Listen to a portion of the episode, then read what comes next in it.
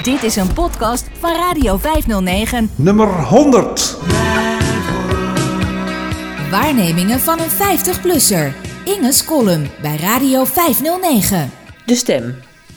Voor mijn werk heb ik de afgelopen 25 jaar vaak mensen geselecteerd. Ik bedoel natuurlijk sollicitanten. Ik vind mezelf redelijk bedreven in het scannen en beoordelen van cv's en motivatiebrieven. Ik weet snel wie ik wil spreken en wie niet. Dat werkt vrij intuïtief. Iemand hoeft niet per se een enorme bak aan relevante ervaring te hebben om door mij uitgenodigd te worden.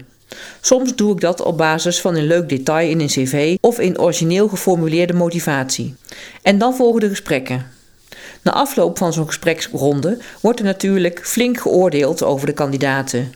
Iemand was wel erg zenuwachtig, zat te zweten, irritant met een pen te spelen, had zijn haar wel eens mogen wassen, een raar jasje aan of zat de hele tijd onderuitgezakt.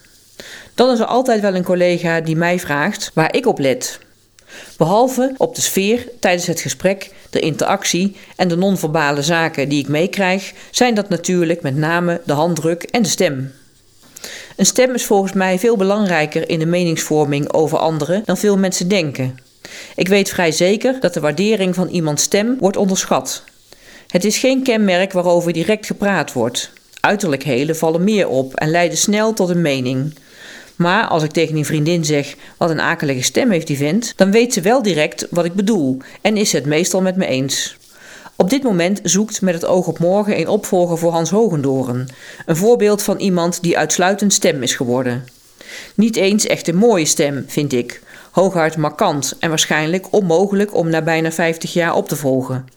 In Nijmegen paste ik ooit een paar weken op het huis van een bekende. Op een avond belde er een man die ik vertelde dat degene die hij wilde spreken drie weken in Indonesië zat. Het leek hem wel leuk om nog even met mij te praten. Ik dacht er anders over en kapte het gesprek zo snel mogelijk af. Op basis van zijn stem en, toegegeven, ook zijn Nijmeegs accent, met afstand het lelijkste accent van Nederland, vond ik de man in Engert. Ik vroeg me af hoe iemand ooit verliefd zou kunnen worden op een persoon die zo klonk. Het leek mij onmogelijk. Ergens begin jaren 90 werd er een verkiezing gehouden voor de mooiste radiostem. Marga van Arnhem won bij de vrouwen. Voor mij geen terecht winnaar, want saai en keurig en wat onpersoonlijk. Helaas weet ik niet meer welke mannelijke stem won. Het was in ieder geval niet een van mijn favorieten. Als ik had meegestemd, had ik voor Stan van Houken gekozen. In de jaren 80 bekend als een van de receptionisten van het gebouw van de VPRO op vrijdag. Een beetje hees, doorrookt en dan met dat Amsterdamse accent. Lekker. Of anders natuurlijk Frits Pits, mijn jeugdheld. Inmiddels klinkt hij echt wel wat bejaard, maar vroeger kon Frits prachtig schreeuwen en brullen en zich opwinden over een mooie plaat. Hij kon ook heel rustig klinken, kalmerend zelfs, een beetje lijzig. Mijn idee is dat de stem niet noodzakelijk mooi gevonden hoeft te worden om de drager van de stem positief te beoordelen. Het is mogelijk dat je een stem in eerste instantie wat vreemd vindt of misschien niet direct aantrekkelijk. Als je iemand langer of vaker hoort spreken, dan ontdek je nuances in een stem, verschillende manieren van stemgebruik. En dan vind je zo'n stem in al zijn varianten vaak toch mooi. Mensen die die variatie in hun stem missen, die altijd hetzelfde klinken, op dezelfde toonhoogte en hetzelfde volume, zijn minder prettig om naar te luisteren. Ik heb veel collega's die hoorcollege geven, maar lang niet iedereen kan dat goed zonder microfoon te gebruiken.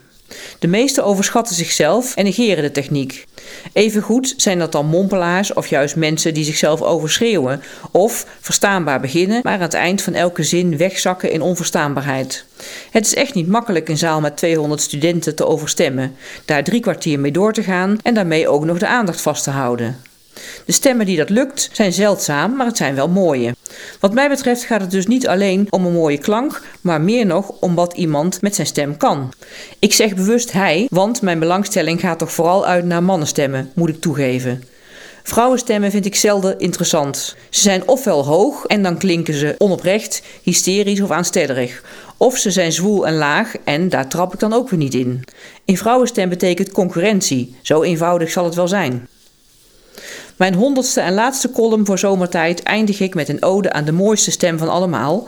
Voor mij de meest vertrouwde en geliefde stem, die van de naamgever van dit programma, mijn eigen zomer. Jullie gaan hem missen.